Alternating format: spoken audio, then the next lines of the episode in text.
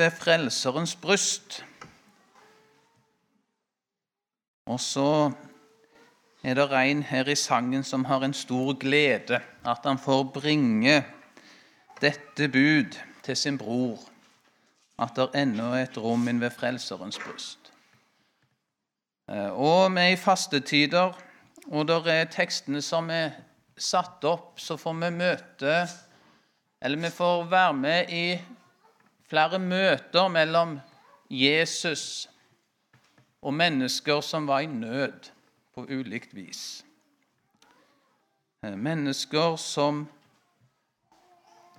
fikk bli ført inn til denne plass inne ved Frelserens bryst. Og I dag òg så er det et sånt møte vi får være med på. Eh, og Vi har allerede fått eh, ant noe av det i de tekstene som vi fikk lest. Vi hørte teksten fra Markus. Vi skal lese nå fra Lukas kapittel 4.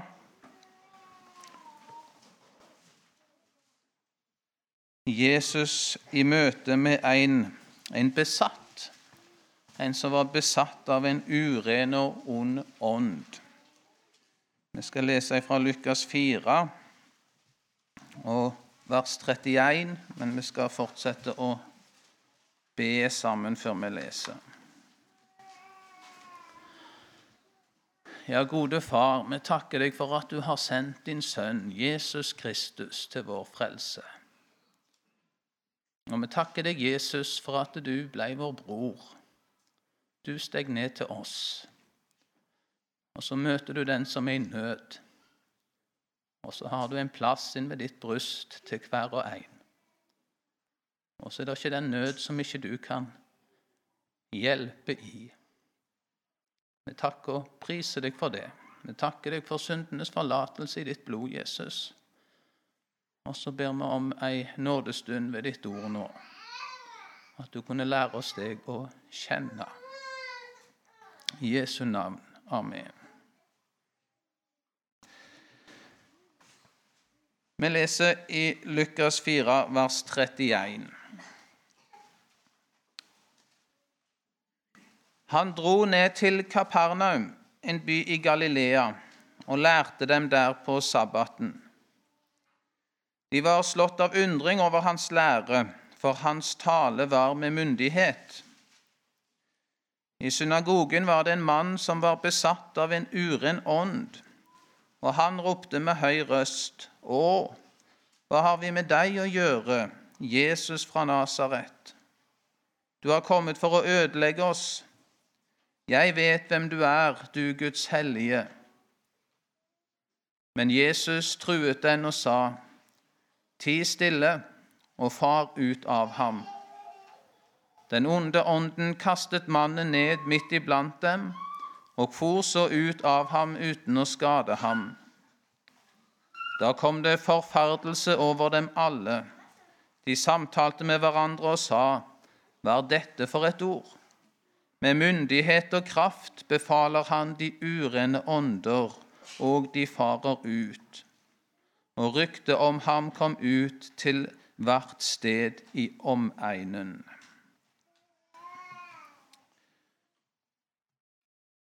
Besatt av en urein og ond ånd. I Efeserbrevet kapittel 2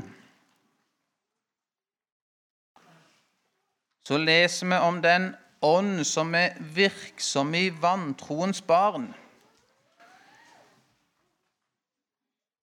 Efeserbrevet kapittel 2 og vers 2 og 3 så leser vi sånn Ja, vi tar med vers 1 òg. Også dere har han gjort levende, dere som var døde ved deres overtredelser og synder. I disse vandret dere før Altså, de vandret i sine overtredelser og synder. I disse vandret dere før på denne verdens vis, etter høvdingen over luftens makter, den ånd som nå er virksom i vantroens barn. Også vi vandret alle blant dem i vårt kjøds lyster, og vi gjorde kjødets og tankenes vilje. Vi var av naturen vredens barn, like som de andre. Her er det tale om en vandring som er etter sine overtredelser og synder. En vandring hvor en er under innflytelse av luftens makter, eller høvdingen over luftens makter. Og denne ånd, denne sataniske ånd, den er virksom i vantroens barn. Og alle vantroens barn vandrer under innflytelse av den. Og Vi leser om Satan at han kalles for denne verdens fyrste.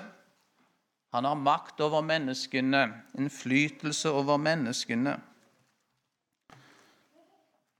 Og Vi tar med et par vers fra Johannes 8.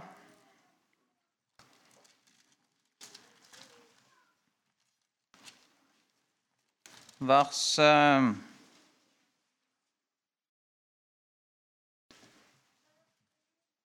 Vers 44. Johannes 8, 44, så sier Jesus, dere har djevelen til far, og dere vil gjøre etter deres fars lyster. Han var en drapsmann fra begynnelsen og står ikke i sannheten. For det er ikke sannhet i ham. Når han taler løgn, taler han av sitt eget, for han er en løgner og løgnens far. Nå taler han til de som regnet seg for å være, høre Gud til, å være Guds folk. Men nå var de begynt å tenke at de ville ha, ta livet av Jesus. Og så farte de fram med løgn og hadde tanker om drap. De var under innflytelse av sin far, sier Jesus som ikke var Gud, men som var djevelen. Dere har djevelen til far, og dere vil gjøre etter deres fars lyster. Ja, som vi leste i Efeserne 2, de vandra og vandrer i sine overtredelser og synder.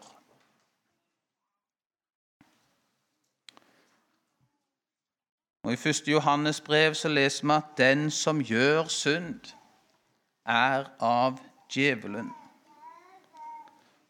Og sånn er alle vantro under Satans innflytelse.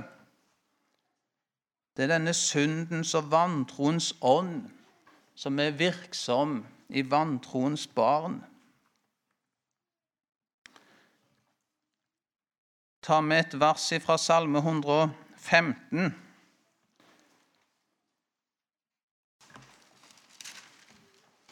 Der er det tale om avgudene. Fra vers 4 så tales det om avgudene.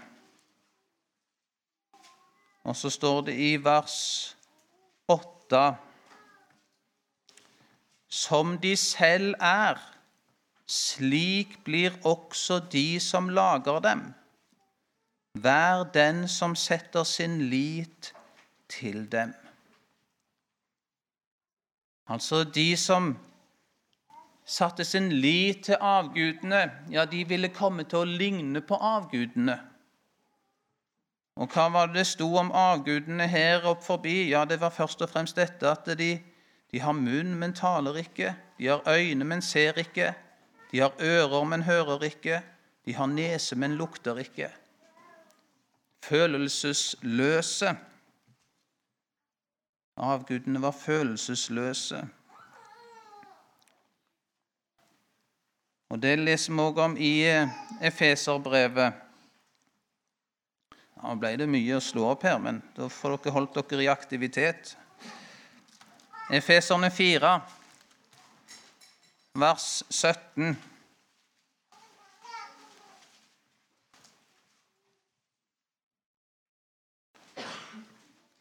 Efeserbrevet kapittel 4, vers 17. Dette sier jeg da og vitner i Herren. Vandre ikke lenger slik som hedningene vandrer, som følger sitt tomme sinn. Deres forstand er formørket. De er fremmede for livet i Gud ved den uvitenhet som er i dem, fordi de har forherdet sine hjerter. Følelsesløse har de gitt seg over til tøylesløshet, så de lever i all slags urenhet og griskhet. Altså dette å være på denne vandring hvor en drives av den ånd som er av denne verden, Satans ånd, under hans innflytelse. Ja, en vil begynne å ligne han, ligne han. Og så står det noe om at en blir følelsesløs. Akkurat som en mister begreper til å se, til å høre, til å forstå, til å føle hva en holder på med og begir seg ut på. Og Her i Efeserne 4 da, så ser vi hva følgen av dette blir. Jo, de har gitt seg over til tøylesløshet. Altså det er noe grenseløst, noe overskridende. Og I dette grenseløse så lever de i all slags urenhet og griskhet. Altså En gir seg over til dette sataniske. Akkurat som disse som sto Jesus etter livet. Ja, de ga seg over til dette og forfølge han og stå han etter livet og ønske han død. De ble blinde, døve for at eh, vi er ute etter drap. Vi farer fram med løgn. Nei, følelsesløse for dette. Og så overgav de seg til dette sataniske, til synden. Vi leser om Gud, at han oppdrar sine barn med tukt og trengsel. Hvorfor gjør han det? Jo, fordi han elsker sine barn, står det. Derfor tukter han de. Sånn at en ikke skal bli følelsesløs, men en skal bli vakt og forstå at dette er galt. Gud oppdrar med tukt og trengsel fordi han elsker sine barn. Satan har en annen oppdragelse. Han oppdrar med tøylesløshet, grenseløshet. Du kan få gjøre som du vil. Du kan få utfolde deg. Du kan få gå et skritt lenger. Du kan få fortsette. Hvorfor gjør han det? Jo, for han hater sine. Han hater sine. Og han vil ingen noe godt. Derfor oppdrar han med tøylesløshet. For han vil se at det mislykkes, og det går under og til evig fortapelse og død. At ikke du som et menneskebarn skulle få en bedre del i evigheten enn han. Han hater. Og sånn er Satan virksom, som denne verdens første i alle denne verdens barn, vantroens barn. Og det er synden som legger menneskene under han, og det er synden som gir han makt over menneskene. Synden som gjør at han kan styre og føre og herje. Og så møter vi noen enkeltpersoner hvor vi ser at eh, akkurat som Satan har fått komme enda et skritt. Et skritt lenger. Hvor det taler om besettelse. Hvor sataniske ånder har fått befeste dette mennesket på en særlig måte og forstyrre det så det er helt uten kontroll på seg sjøl. Fullstendig overgitt til dette, denne makt og dette mørket. De besatte, onde ånder, sataniske demoner som tar bolig i enkeltmennesker. Og Vi møtte det her i Lukas 4 leste i vers 33 at i synagogen var det en mann som var besatt av en uren ånd, og som setter i et skrik når Jesus kommer. Vi skjønner han har styring over mannen. Det er ikke mannen som på en måte reagerer og roper, men det er denne onde ånd som er i han, som vet hvem Jesus er, og som reagerer i møte med Jesus og skriker ut. I Lukas 8, i begynnelsen der, vers 2 så leser vi om noen kvinner som var blitt helbredet for onde ånder og sykdommer. Og så nevnes da særlig ei, Maria, med tilnavnet Magdalena, som sju onde ånder var fart ut av. Ja, Maria Magdalena hun hadde vært besatt av syv onde ånder. Og Lenger ute der i kapittel 8 i Lukas 8, så fra vers 27 og utover, så møter vi jo denne mannen som, som var helt ødelagt òg i det menneskelige liv av en legion med onde ånder. Altså, Det står om han at de hadde jo prøvd å legge han i lenker for å holde han fast. Men vi skjønner det er, det er noe annet enn menneskelig kraft som er i virksomhet. Det er de onde ånders makt, og de hadde brutt disse lenkene. Sendt han ut i ørkenen, sto det. Og han levde i gravene, naken. Folk frykta han. sant? Fullstendig ødelagt liv, besatt av en legion onde ånder. Og her møtes Jesus med et skrik fra disse ånder som vet hvem han er. Ja, hva hadde ført disse enkeltmenneskene i denne situasjonen? Hvorfor var akkurat de blitt besatt av onde ånder? Ja, det kan vi ikke sette på noen regel og finne ut av og forstå også. Hvis en bare passer seg sånn og sånn, så skal en nok gå fri. Nei, det er ikke så lett å sette det på noen regel og forstå hvorfor den ene ikke er besatt, og den andre er besatt. Men det vi kan si, det er at det er en stor, stor fare for et menneske å overgi seg til synden overgi seg til mørket og åpne opp for det sataniske og gi disse onde åndsmakter rom i sitt liv.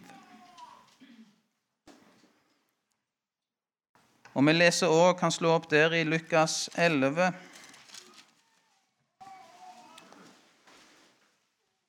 Vers 24.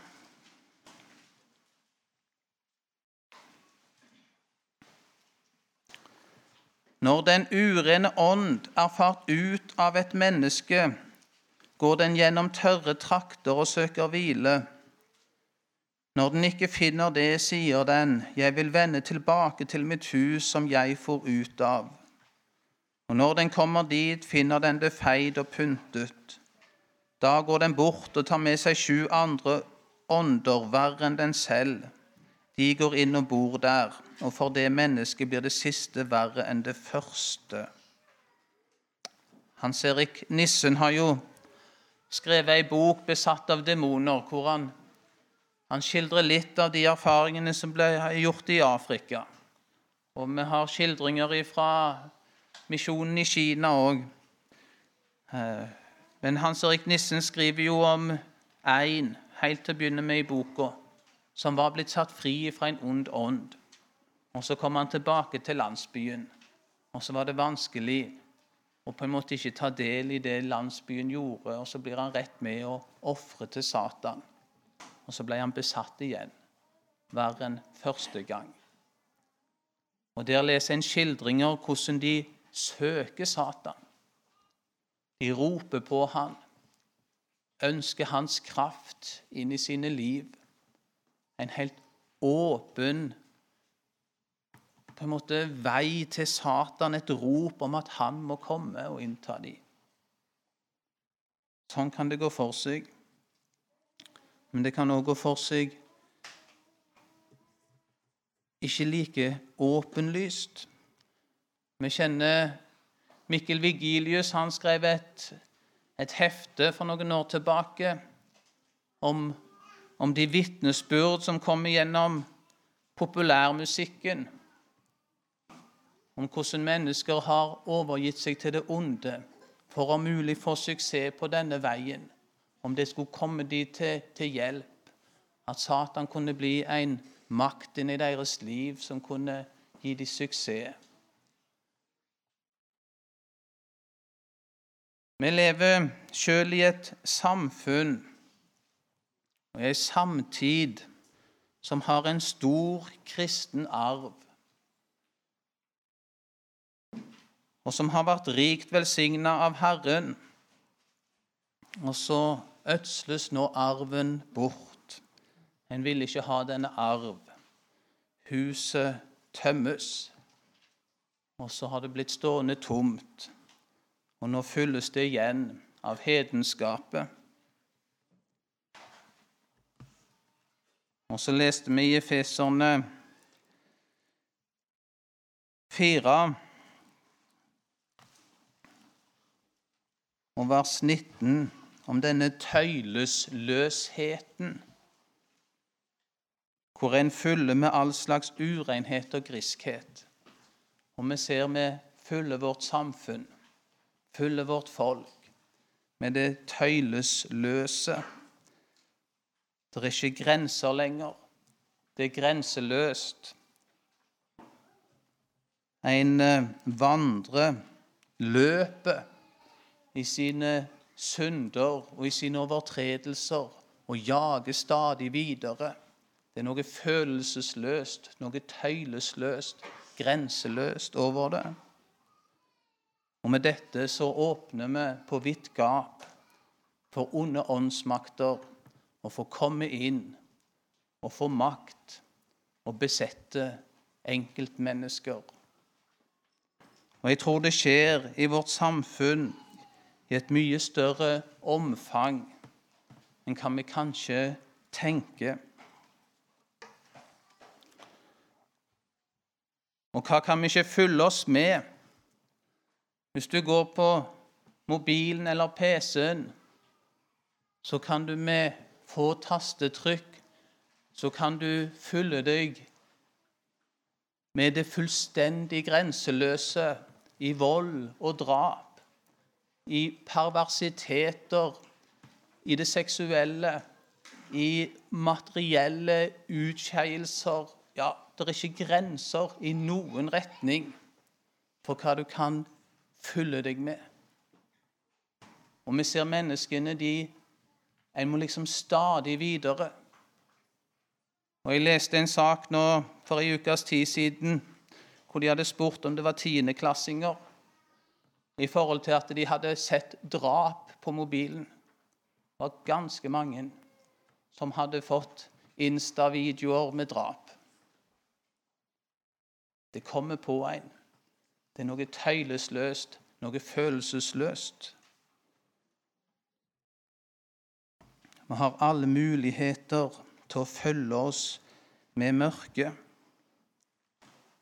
Og så skal vi merke oss hvor det var Jesus møtte denne besatte i Kapernaum. Han møtte han i synagogen. Han møtte han i det hus hvor en var kommet sammen for å høre Guds ord, der Guds folk søkte sammen. Der møtte han en mann som ikke er fullt av Guds ånd, men som er besatt av en ond ånd. Og hvordan er det med oss som er samla som Guds folk her i dag? Hva fyller vi oss med?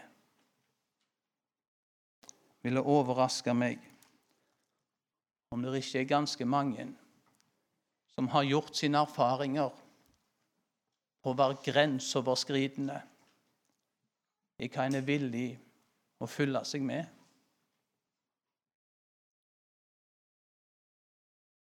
Vi hadde synsbekjennelsen i dag. Si nåde til meg, arme, syndige menneske, som har krenket deg med tanker, ord og gjerninger og kjenner lysten til det onde i mitt hjerte. Det er ikke grenser for hva et fallent menneske kan kjenne lysten til i sitt hjerte. Du kommer aldri sånn at nå har jeg trådt over ei grense, og neste grense den er nok så mørk og så fæl at den vil jeg ikke våge å trå over. Nei, det er ingen grenser. Når en begir seg på den veien, så er det grenseløst. Og så har en nok gjort seg sine erfaringer, noen og enhver, om hvor mørkt det kan være, det som hjertet kan attrå og ha sin lyst i. Og så har en fulgt seg og fyller seg med perversiteter på ene og andre og tredje retningen. Det kan nok være forskjellig, men en har nok gjort seg sine erfaringer noen og enhver.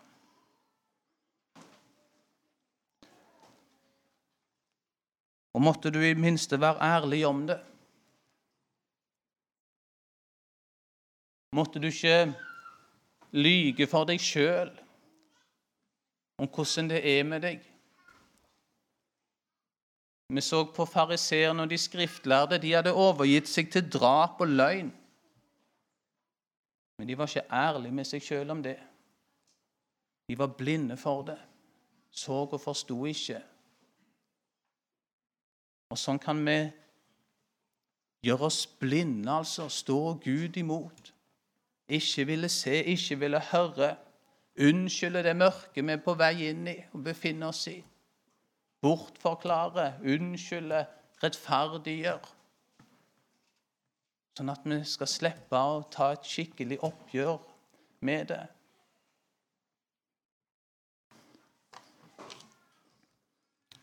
Teksten i dag den forteller oss at Jesus han er sterkere enn dette mørket. Jesus er sterkere enn Satan. Og den som Satan har fått binde, ja, om han enn Satan har fått besette mennesket og fullstendig ta kontroll over det Jesus er fortsatt sterkere. Og det finnes ikke det mørke, og det finnes ikke den synd som ikke Jesus har steget ned i. Jesus har vært der. Om du synes det mørke du har sluppet inn i ditt hjerte, er så mørkt at du kanskje slipper noen andre inn der Ingen kan få se og få vite hvor du har vært. Ja, du skal vite Jesus. Han har vært der. Jesus har steget ned, har steget inn i vårt mørke, i det aller, aller mørkeste ja, dypere ned enn vi kan begripe og forstå.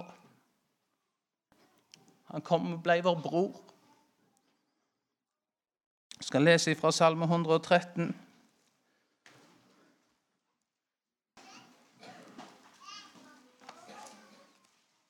Vi leser hele salmen, salme 113, fra vers 1. da.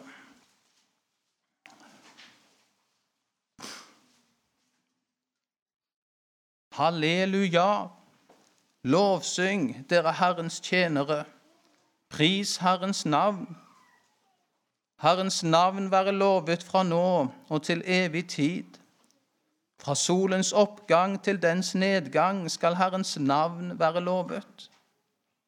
Herren er opphøyet over alle folk, over himmelen er Hans herlighet. Hvem er som Herren vår Gud, Han som troner så høyt? Han som ser så dypt ned.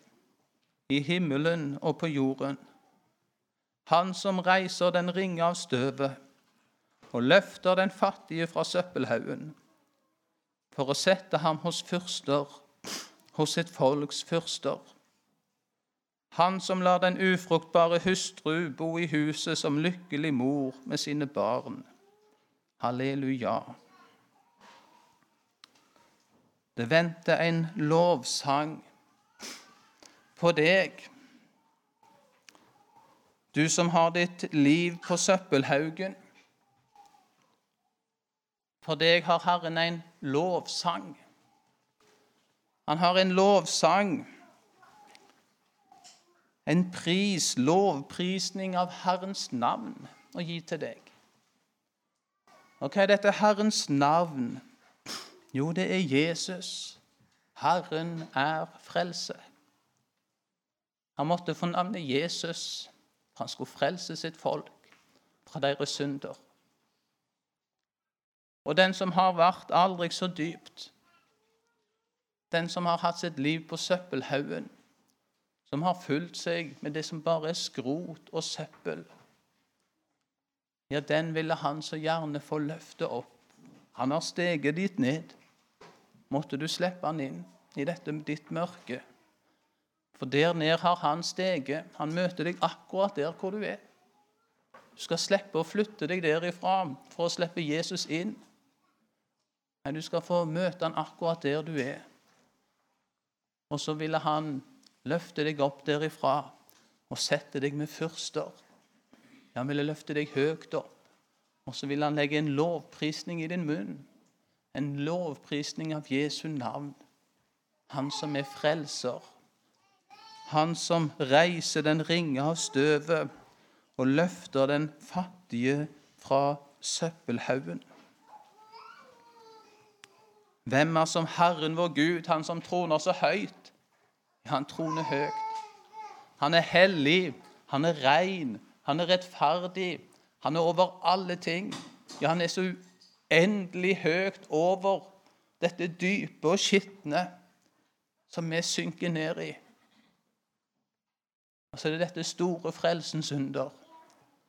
At han som er høyt opphøya over alt det skapte, han som troner så høyt, han har steget ned i det dype, helt ned på søppelhaugen, for å løfte opp den ringe av støvet og sette han med fyrster. Ja, han som lar den ufruktbare hustru Ja, hva ligger i det? Jo, hun hadde ikke liv i seg. sant? Kunne ikke bære fram liv. Den ufruktbare. Ja, den ufruktbare, den som ikke hadde liv i seg, men bare død. Ja, den får nå bo i huset som lykkelig mor med sine barn. Den har fått liv. Jesus er ditt liv. Jesus har steget ned til deg i ditt mørke for å løfte deg opp sette deg med fyrster. Tenk å få være Guds barn. Barn av den høye, den hellige reine. Arve sammen med Jesus. Eneste han vil, det er at du lar han stige inn, så han kunne få rense. Ikke den urenhet som ikke han renser ifra. Ikke den synd som ikke han tilgir. Nei, kom, og la oss gå i rette med hverandre, sier Herren. Om dine synder er som purpur, skal de bli som den hvite snø. Han renser, han gjør rein, han opphøyer den som har sitt liv på søppelhaugen. Måtte du få takke han for hans frelsernavn. Han kom ned for å frelse nettopp deg. Skal vi be. Ja, gode Jesus, vi takker deg for at du er sterkere enn Satan. Takker deg for at du seier over ham på korset. Vi takker deg for at det ikke er den synd og det mørke hvor ikke du har steget ned. Alt tok du på deg, Jesus, og du gjorde opp for det alt. Vi takker for at det er renselse, det er frelse, uansett hvor dypt vi har sunket. Og vi ber om at du ikke måtte stanse og kalle og banke på våre hjertedører og søke oss der vi er, så du kunne få komme inn og rense og løfte opp og sette oss med fyrster. Måtte du legge en lovsang i vår munn, en takk til deg, Jesus, for at du kom til vår frelse. I Jesu navn. Amen.